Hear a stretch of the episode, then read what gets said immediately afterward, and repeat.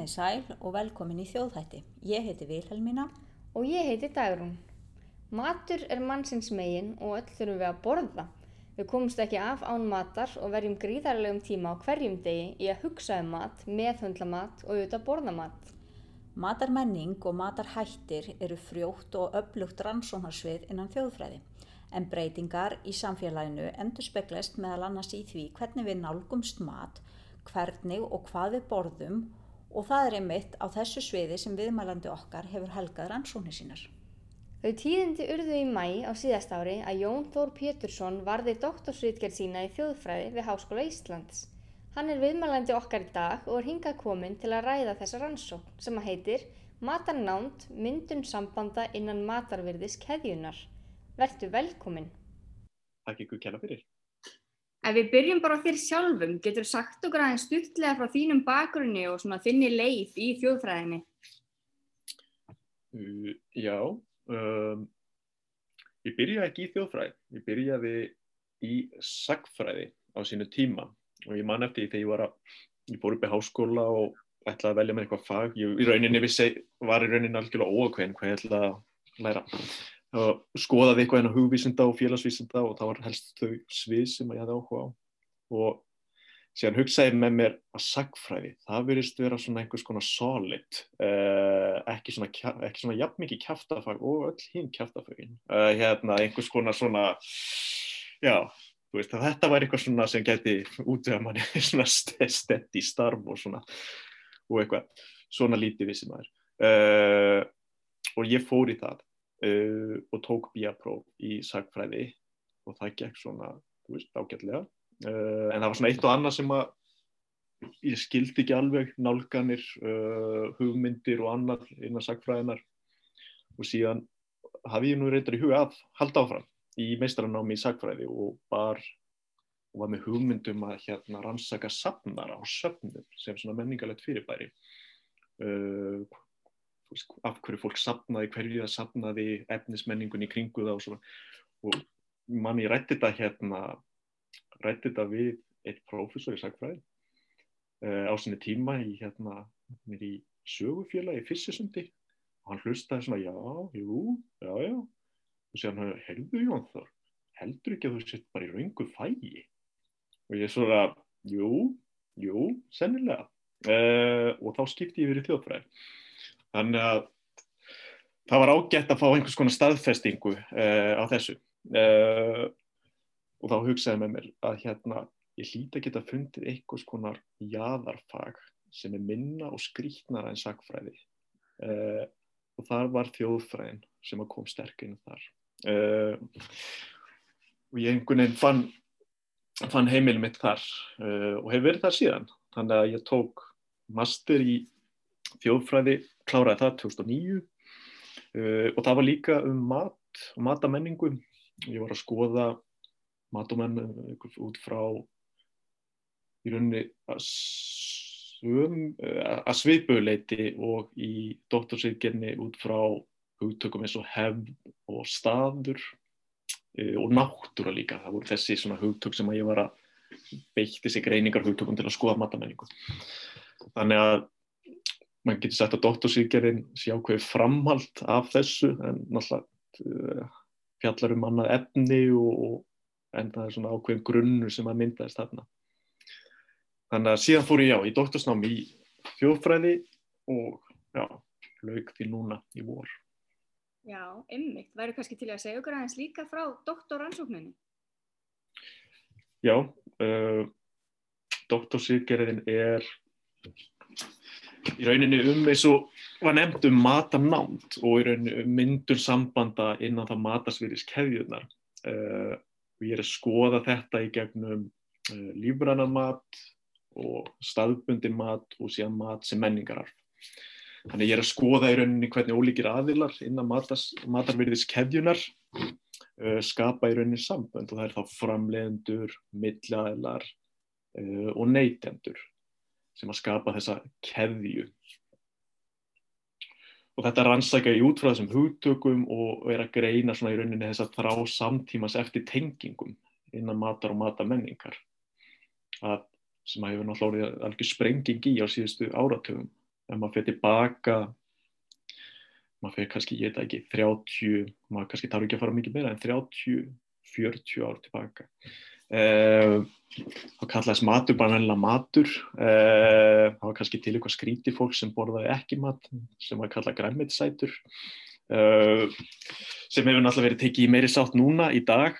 Og það var vola lítið um þessar tengingar sem hefur verið að reyna að skapa í samtímanum í dag þessar tenginga við framleiðendur, við ákveðna staði, hvar maturinn er framleitur, undir hvað kringumstæðum og svo framvegis.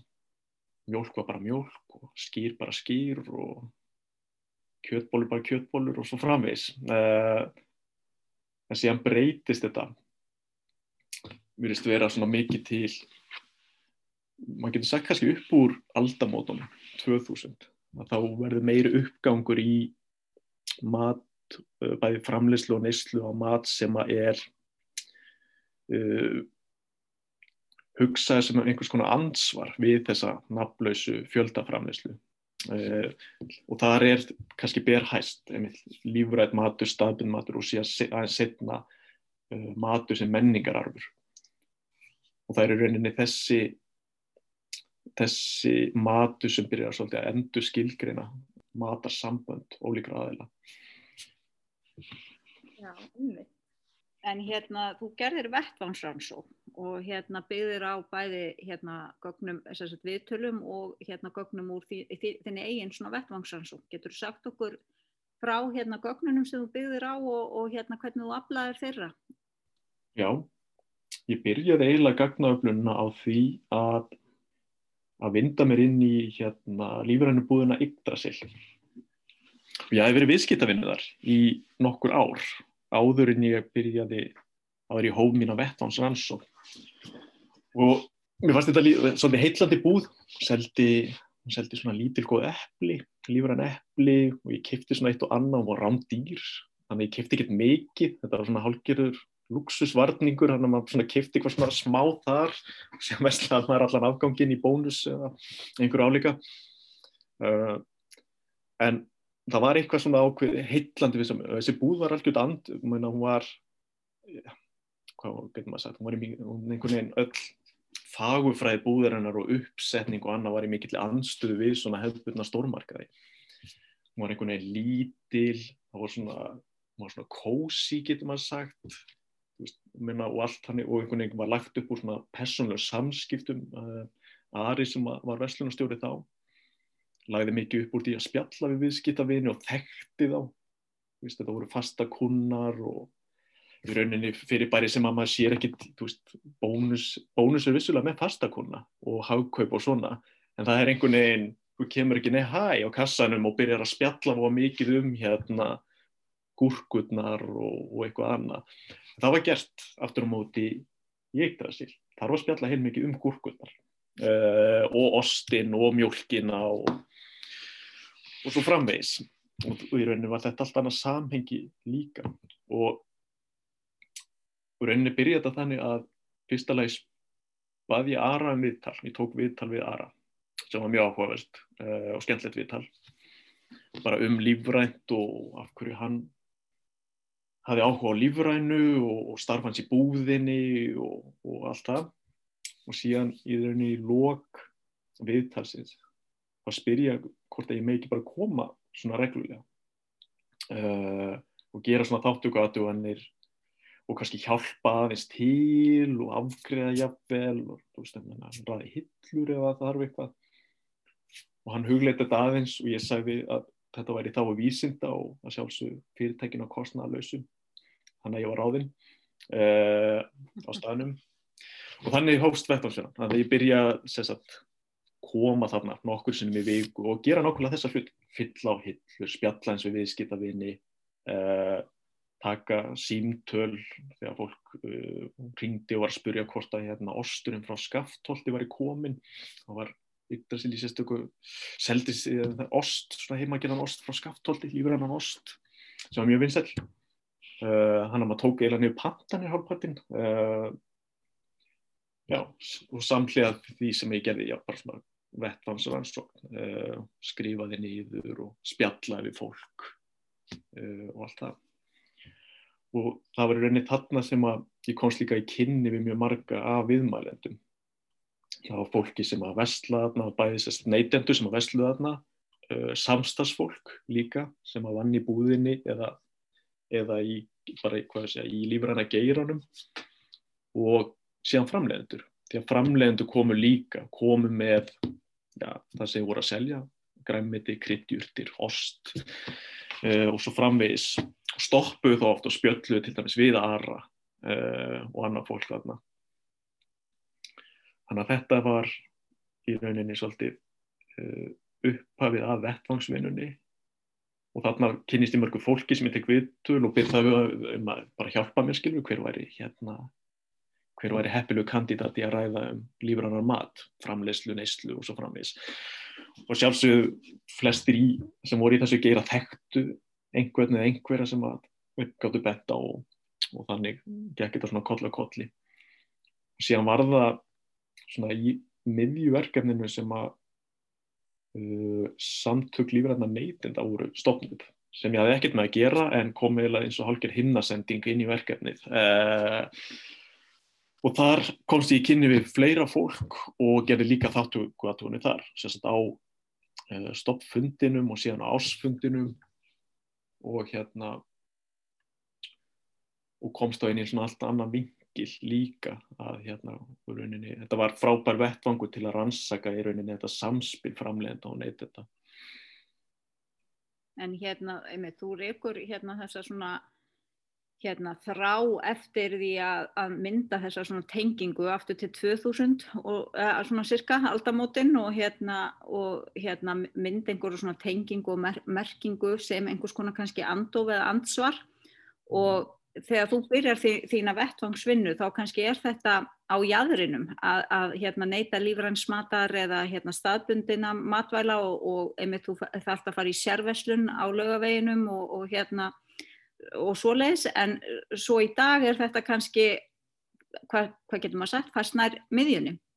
Hérna getur aðeins svona sagt okkur frá þessu bæði hvaða áhrif þetta hafði á þína rannsóna á þessum tíma og kannski aðferðir eða, eða spurningarnar eða gögnin sem vorst að kljást við en líka kannski svona bara hvað það er sem hefur breytt þessu orðið til þessara breytinga. Mm.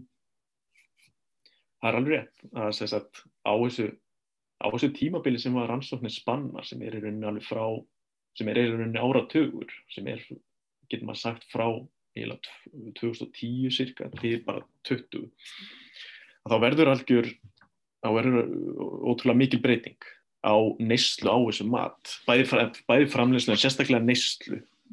Í rauninni, kannski framleyslan hefur í rauninni ekki allavega á lífunarinu, framleyslan hefur í rauninni ekki haldið í hendu við eftirspurnin. Eftirspurnin hefur vaksið miklu meira í rauninni en framleiðslan. Og það má skekkra að, þú veist, hverju það sætir. Uh, en, en en á þessu tímpunkt sem við byrja, þá er í rauninni, er þetta ferðli að hefjast. Þar sem að lífrætt matur er að fara frá því að vera hálfgjört jaðar fyrir bæri uh, yfir því að vera meira ja, að miðjunni eða mainstream fyrir bæri og þessi fyrstu viðtöl sem ég tek mér viðtöl við uh, svona hvað sé að upphafsfólkið í lífranna geiranum á Íslandi, bæði í framleiðslu, uh, veist, fyrstu lífrannu framleiðanduna, en líka fólkið í smásölu, til dæmis uh, hjónin sem á stopnuðu Yggdrasil. Mm -hmm. Og þetta er, mjög, þetta er mjög skemmtilega frásagnir og svona þetta er svona mikið svona rags to riches frásagni hvernig við byrjuðu í hérna kjall, eða hvað við segja, í geimslunni sinni í kjallaranum í, þú veist, Kópói sem einhverju innflutningsaðili og hvernig þetta vex og stækkar og þau opna sér hann búð þarna á Kárastíg uh, sem að verður að einhvers konar svona, hvað við kalla þetta svona miðstöð frekar en hérna bara þetta sé einhverju lífið en búið, þetta er bara svona miðstu fyrir fólk sem að hittist. Eh, og þau lýsa þessu ferli rosa vel að því að þannig að þau voru ekki bara að selja þetta sem í smásölu eins og í, Yggdrasil, þetta voru líka að flytja inn eh, og voru að raun að koma þessi inn í stórmarkaðina. Og það er mjög áhugavert hvernig lýsis að stórmarkaðarnir höfðu takmarkan áhuga á þessu í kringum aldamótin 2000 uh, og þá sáðu bara að þú veist, minna lífrætt matu myndi ekki töfða til neytenda. Þetta væri alltaf dýst, þetta væri bara eitthvað snopp og þetta væri bara einhverjir svona fríðelskandi hýpar og hjólum í hundra og einum uh, sem að þú veist, hefðu áherslu og þetta væri bara, minna það væri ekki margar fyrir þetta, þetta væri ekkert sem getur grætt á. Síðan, en síðan verður þarna á þessu tímabili svona kannski fjórum, fimm árum setna að þá að kvikna meir og meir áhugi. Og þannig kringum já, í kringum það sem ég er að byrja þá er áhugi stórmarkaði svona fyrir alvöru að kvikna. Og þá er líka hvað við segja svona sérfuru búðin eins og eitthvað er í rauninni að stækka líka. Það er svona, maður getur sagt að kakan er að þennjast út. Og Yggdrasil flytur frá uh, skólaverustíðinir á rauðurastíð og það markar ákveðin svona ákveðin svona þáttaskil að það verður svona stærri búð þá fær hana nær svona ákveðinum viðskiptakjarnar líka. Uh, og, og, þá, og það er hérna fastegnasjóðu sem að kaupi fyrirtæki líka, auðu kapital. Þannig að þetta, þetta verður þannig að Yggdrasil færist miklu nær miðjunni og áhugin kvikna meira hjá stórmarku og maður takit inn sem svona svolítið sam í rauninni svolítið sérfuru teilt en þá er líka þróunin þannig að þá var þetta tekið, þá var lífrænt, þá var því öllu pakka saman sko sem svona ákveðinni sérfuru að, ég meina lífræn og mjölkin var ekki við hliðin á hinni mjölkin, það var þetta einhvern veginn svona sér. Og við sjáum líka breytingu því að það er líka það sem hefur gerst að nú hefur lífranna varan í stórmarkanu fæst bara meðal annara vara og er bara hluta því. Lífrann eplið við hlýðin á uh, öðrum eplum og svo framvegis. En þessi dróun gerist það og, jú, og þetta, þetta hefur mikil áhrif á þetta hefur bæði áhrif á sko gagna öfluna uh, að því leiti að að til dæmis samtök lífranda neytenda eru starfrækt í rauninni þrjú ár og líða síðan til lok. Og ég tek og ég tók viðtölu fólk sem var aktíft í samtökunum sín tíma en síðan tek ég önnu viðtöl eftir að ég líkur setna mér. Og þá fæ ég ákveðin svona þannig að það breyti greiningunni líka þessi viðtöl, þessi svona hvað veist ég eftirfylgnisvitöl, fylgnisvitöl, ég veit ekki alveg hvernig maður á að, að kalla þau. Já.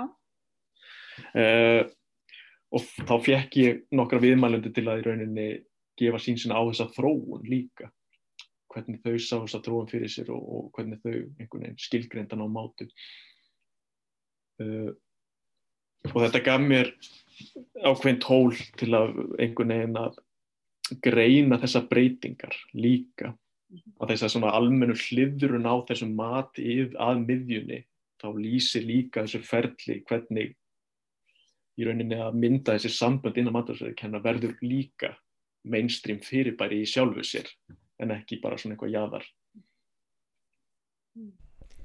Já, ymmit, skemmtilegt uh, og gaman að heyra sögurnar úr vettvangsvinnunni. Og þú notar sögur svolítið líka og frásagnir svona þess að ramma inn efni í greinum þegar þú ert að fjalla um matin eins og til dæmis af eplunum hans Eduardo. Getur þú sagt okkur eins frá því? Já, það eru auðvitað hluta þess líka, ef maður, ég var einmitt að hugsa um það fyrir þetta viðtal að, að maður horfið til dæmis á bara þessi klassísku þjóðfræðilegu viðfangsefni, menna ævintýri og þjóðsagnir og flökkusagnir og annað, en ef þau endur speikla samfélagið á einhvern hátt, félagslegan, menningarlegan, efnaðslegan veruleika, þú veist, eða, ótt okkar, áhyggjur, uh, sín okkar á framtíðina uh, og svo framvegis að þá gera þessa matafrásagnir það líka að þær eru einhvers konar frásagnir um hérna sem að endur speikla uh, þennan félags- og menningarlega heim sem við byggjum. En líka í rauninni svolítið þrána jáfnveil sko fantasíuna eftir ákveðnum heimi. Og og ég held að þess að frásagnir þjónaði svolítið því hlutverki að það er þannig sem við svolítið skiljum heiminn og skilgjum heiminn út frá frásagnum. Og þetta er, og það er ákveðin svona matagildi sem að stýra uh, bæði framleyslu og neyslu á lífræðinu mat og stafinu mat og, og menningarars mat. Og það er einhvern veginn í gegnum frásagnina sem að þessum gildum er miðlað sem að gera matin líka merkingabæran hann hefur eitthvað gildi. Uh, og ég held að þetta snúist svolítið mikið um það líka að, og það er kannski ég kom ekki eins, ég held ég að ekki komið nú vel að því í sjálfur rítgerinni uh, en fór að hugsa um það fyrir viðtali líka að þetta kannski snýst líka um sko hvers virði er matur? Og þá er ég ekki að tala um í rauninni hvað hann kostar peningin sem slíka heldur bara virði í merkingunni sko veist, hvað skiptir máli? Hvers virði er eitthvað? Og þá í rauninni hugmyndur um umhyggju uh, og samhengi og annað sem að gerir í rauninni býr til einhvers konar virði uh, menna, óhald, það skiptir einhver máli hvort þessi, þessi lífrann orðræða eða stafnuna eða menningar hún skapar einhvers konar samhengi þar sem að hlutir og aðtamnir verða einhvers virði. Uh, og er settir í einhverja svona samfellu sem að skipti máli. Og þessar frásagnir gera það. Frásagnir að ramma inn þessi gildi um, um, og þessi gildi eru þá til dæmis uh, náttúruvend uh, dýravend heilsa og annað þess aftar en, en þau snúa líka að því bara hvernig fólk hugsa um tíma og hvernig það einhvern veginn og, já, og, og hvernig það endur speiklast í bæði já, í aðtöfnum og orðum líka. Þannig að við upplifum meiri matarnánd og, og einhverja samfellu við það að borða lífræn eppli frá nafngrendum bónda einhver staður út í heimi heldur en hérna ómert eppli sem við veitum ekki einu svona hvaðan koma eða Al, alg, algjörlega. algjörlega það er ákveðin svona tilfinningarleg tengsl mm -hmm. sem að myndast sem að gera það að þetta eppli hefur alltaf merkingu uh, en önnur eppli og jáfnvel á þann hátt að það, mun, að það hefur áhrif á hvernig það bræðast að þú veist, þú veist hvaðan þetta kemur maturinn, þú hefur einhverja tenginga við stað uh, og mannesku jáfnvel eins og segi nú þekk ég ekki Eduardo. Nei. ég byrði beinlega sem ekki hangi saman og drukki kaffibotla og eppleigurunni en þetta er samt einhver tenging. Það má alveg deilum það hvers eðlis hún er. Uh, en þá einhvern veginn hefur það líka áhrif á beininnis líffræðilega upplifun held ég líka sem að myndi tapast ef þetta væri til dæmis bara svona blind smakkpróf mm. ef þú hefðir ekki, ekki þetta menningala samengi eða félagslega samengi pólitiska samengi uh, þá finnur ekki mun á þessu hvort sem er af því að þá er þetta líka jafnvirði eða einskísvirði eða hvernig sem maður myndi kalla það mm. og ég held að en, en líka talandum þetta sko róf að, að þessar hugmyndir hafa oft, það eru oft verið tala allavega svona anstæðingar lífarhans staðbundis og jafnveg sko og hérna menningar að smasa hafa talað um þetta sem sko einhvers konar nostalgíu sem að kannski er alveg rétt að hluta til. Er þetta ákveðin svona nostalgísk endutúlkun á fortíðinni? Eh, en ég held sko að ég meina fæstir fara tilbaka til einhvers konar sjálfsþurta búskaps fyrir alltaf það sem að þú einhvern veginn framleiti matinn eh, sjálf eða sjálfur.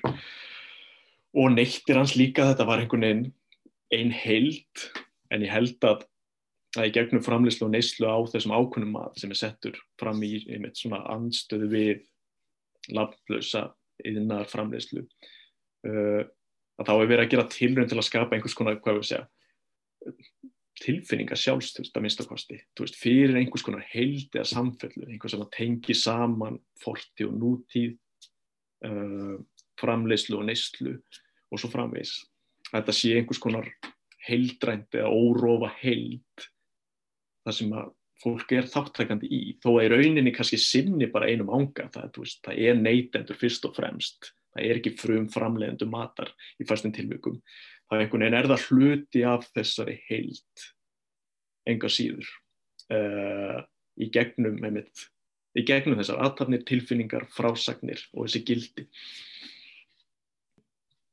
En talandum líka svona menningar og virði í einni af greinunum þá fjallar um íslenska skýrið líka. Getur sagt okkur aðeins náttúrulega fyrir því? Já, sko þegar, ég var alast upp þá var til skýr heima uh, og það hétt bara skýr og það hétt öruglega bara MS skýr eða eitthvað líka. Og síðan á einhverju tímapunkti var til KEA skýr sem var bræðast eða alveg eins og MS, MS skýr uh, en ég meina þetta var bara almennur ódýr mjölkumatur á, sem að var á borðum flestra Íslandi, eða mjög margra Íslandinga að mista kosti. Lengi vel og er ennþá, minna, skýr er ennþá vinsall matur. En, en það er líka líka eitthvað svipa sem að gerist með uh, skýrið eins og gerist með lífrannan mat á mjög svipum tíma. Að það er upp úr aldamótunum en sérstaklega upp úr 2010 uh, og fram til dagsins í dag að þá gerist það að skýrir rauninni endur skilgreint sem hefð, hefðbundi matur hefð, uh, en síðan sem menningararfur. Og þetta gerist þá í rauninni á sama tíma og og skýrir rauninni orðin fullkomlega yðnar vætt afurð eða vara og er í rauninni er mjög erfitt að skilgreina skýrið eins og það er framleitt í dag sem í rauninni einhvers konar hefð. Það er búið að rjúfa ákveðna hefð í skýrgerð. Uh, skýr sem að MS framleiðir er ekki framleitt á sama hátt og það var gert áður fyrr uh, og í gegnum aldirnar. Náttúrulega skýr, það er náttúrulega til heimildinu skýr bara, bara frá með landnámi. Uh, bæði, það er til, til reytarheimildir um um skýr en það er líka til beinleins bara í gegnum fordleifa uppgreft það fundist uh, skýr ílát og jáfnveil held ég bara beinleins skýr sem hefur varðvist uh, og skýr var auðvitað framleitt þannig að, að, að það hérna það þurfti að geima svona startekultur og gömlu skýri til að geta búið til nýtt skýr. Og þetta var gert í til dæmis í ótnum ílátum og annað og maður hugsa bara um sko hreinlæti á öldum, öldum fyrr. Og þá náttúrulega var ákveðin bakteríuflóra sem náttúrulega var hluti af þessari skýrgerð. Og það kannski var til þess að skýr gæti verið roslóli bara frá einum bæ til annars, það gæti verið allt öðruvísi, hvað var það, bragð og áferð uh, og þú veist, já, hversu súrta var uh, og það er til ólík nöfn yfir hvernig skýr voru, hvort þið voru talið á góð eða ekki, graðhestaskýr og, og aðrar önnu skemmtileg nöfn uh, en, en þetta er, og svona er þetta gert bara fram eftir öldum og alveg fram á í rauninni fram á 20. öld en síðan alltaf gerist það sem að fyrir að gerast upp úr 1930 og 40 að þá verða til þessi mjölkur uh, félög og þá gerist það líka að í staðin fyrir að búa til allan mat minna, að, að, strokka smjörið og búa til skýrið og allt þetta þá fara bændur að selja mjölkina til þessar mjölkufélaga sem að sitna meir verður mjölkursamleið og MS og, uh, og gerast í rauninni að hluta til neytendur. Að því að byrja að kaupa sér þessar vörur. Uh, að samsvarar ekki vinnunni að búið þetta til sjálfur þegar þú getur bara afhengt mjölkina og keift þetta aftur. Og mataframleysla var náttúrulega fyrst og fremst uh, að í höndum hvenna þannig að þetta var, voru konur. Og eflust hafa marg, mjög marga konur verið bísna fegnar á þessum tíma að sleppa við þessa vinnu með að búa til hennar mat, geti ímynda mér uh, að þetta var heilmikið vinna. Uh, og síðan verður náttúrulega mjölkursamlega stækkar og allt það og síðan verða í rauninni ákveðna tækni þróanir uh, byltingar, getur maður næstu sagt á þess að 20. hvað var það framleiðslu á skýri að hérna þessi hefðbundna póka sín og skýri, það koma nýjar svona uh, þurrsýr sem líka flýtir ferlinu, þannig að ferli verður staðlara, það verður snegra uh, og síðan alltaf kemur gerilsneiðing inn í þetta líka sem að rauninni drefur þessa gerla, þessa lifandi gerla í rauninni sem að búa til skýri, sem að síri skýrið og annað og síðan í rauninni þegar komið fram á 2001. öll, þá er skýr orðið algjörlega stöðluð vara. Það skiptir engum máli hvað mjölkin kemur og, og svo framvegis að það er búin til stöðlu vara sem að bragðast alltaf eins, hefur mikið geimsluþól uh, kannski mánuð í samanbyrði við svona hefðbunni skýr eins og að framleitt sem er mestalagi tvær vikur. Uh, og það er á þessu tíma sem í rauninni fólk fyrir, það, er við þarna kemur menningarans hérna, orðraðan inn í það. Er akkurat á þessum tímapunkti sem að fólk fyrir að staldra að segja heyrðu, heyrðu, heyrðu þurfum við ekki að standa vörðum hefðbundi skýr, af því að þetta í rauninni er orðið eitthvað allt annar en hefðbundi skýr, af því að þetta er framleyslan er allt öðruvísi, framleyslu skiliðin, uh, tíminn sem fyrir í þetta, bragðir orðið allt öðruvísi, raunin er þetta allt annað. Þannig að þá fyrir gangi rauninni mikil vakning uh, um skýr, skýr sem matar hefð og menning.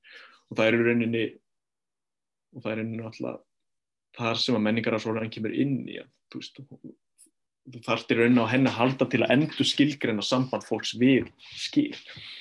Þannig að fólk sem er kannski búið að búa, borða skýr áratöfum saman uh, og bara kalla það skýr og það er bara ekkert annað en það er allt í hennu farið að skilja þessa neyslu sem að, að viðhalda menningar með því að borða skýr í dag og ákveði skýr þá er þetta viðhalda vissu menningararfi uh, og það er mikilvægt. Og þess vegna eigum við að leggja tíma og orku og peninga í að viðhalda þeim menningararfi. Uh, og þá er þess að hafist handa við að skráskýrið á hérna það sem er kallað Ark of Taste hjá Slow Food, alltaf skipa matarörkin sem sé ekki bara ágættstíðing eh, og þá þarf í rauninni að byrja að endur skilgreina í rauninni hvað er hefðbundi skýr. Og þetta er í rauninni mikil og þetta er í rauninni samtíma fyrirbæri. Það er þarna sem að hefðbundi skýr verður til á þessum tímabóndi í þessari endur skilgreiningu það sem er sett fram gagvart nútíma framlýslun á skýri uh, sem hefðbundskýr og sem menningararfur. Síðan er það ákveðin aðeila sem að fara að stað, sem að fara að búa til þá það sem er kallað, kallað gamaldagsskýr eða hefðbundiskýr, gert með gamla læginu og svo framvegs og, og það er til dæmis sveitaskýr sem er gert á erfstum og ég talaði við þau þar uh, og aðalega Þorgrín sem að er mjölkufræðingur og það er mjög, mjög áhugast að hlusta á hann að því að hann vann hjá MS í Búðardal á sinni tíma uh, og þegar hann hóf sína eigin heimaframleyslu á skýri að þá gekk rosa illa að fá kultúruna stað að geta að byrja að búið til skýr. Og þá náttúrulega fattaði hann það að það sem var gert þá sem var ekki gert á sinu tíma var að það fara að gerist neða þetta og það var búið að drepa þessa gerlaflóru sem er nöðsilegt til að, að hérna, starta þessu. Þannig að hann þurfti eiginlega að retta sér sko svona óhærðu skýri frá KIA eða eitthvað sem ég held að þessi kalla sko sem er náttúrulega yðnaðarframleysla til að sko starta sínu sveitaskýri eh, til að fá starti kúltúrin en síðan náttúrulega notar hann sína eigin mjölk og sína eigin framleyslu þannig að það hefur ákveðið, ákveðið sérstaklega bræð og allt það.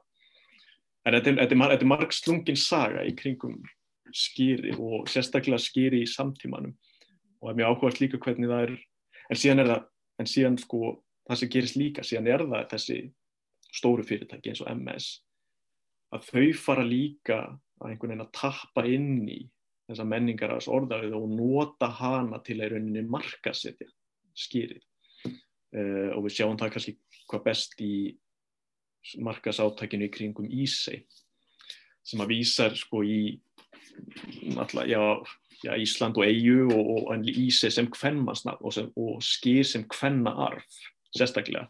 Það voru konurnar sem að við heldu þessari hefð öldum saman og síðan afhengtu það er dönsku mjölkufræðingum hann í kring 1930-40 og svo við erum búin að fá nóa þessu, við erum búin að búið til skýri í, þú veist, aldir, nú getið þið tekið við þessu. Eh, og þetta á að vera einhvers konar svona, eins og segja, óður til þessara kvenna sem að við heldum þessu eh, arfi.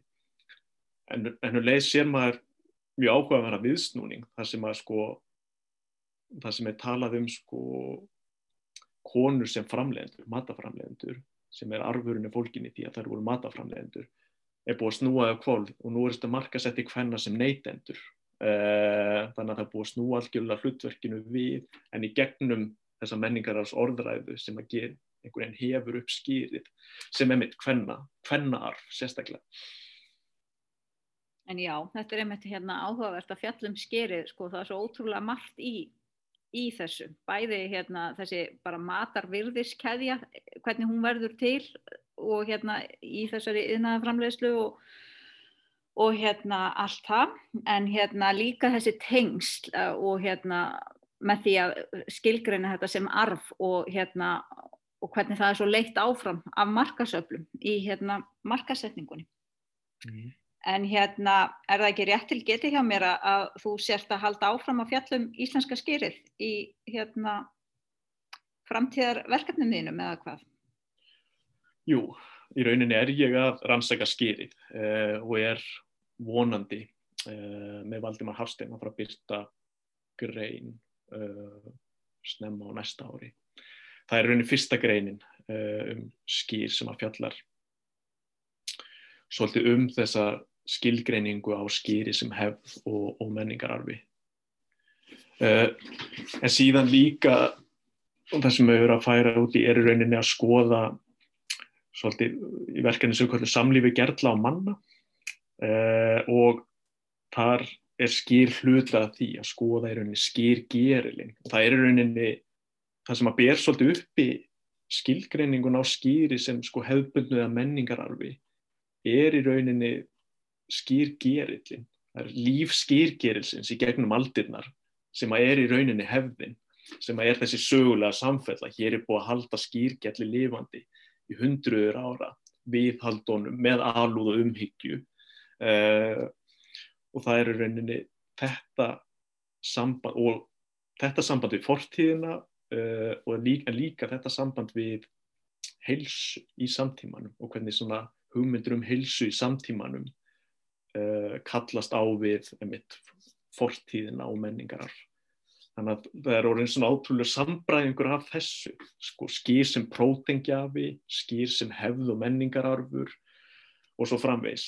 Þannig að rauninni er skýr, það er frábært að skoða skýr í sambandi við þetta, við gerlaflóru og hérna, hvað ég segja, þarmaflóru þjóðfræðinar. Þetta mun enda, mun enda þar uh, skýrið. þarmaflóru þjóðfræðinar, já, þetta er frábært. Ég hef hérna, ekki að láta þetta verða loka orðin í þessu spjallokkar. Þakkum þér kærlega fyrir og bara hverjum þángar til næst. Takk fyrir Jón Þór. Takk Jón. Leiðis.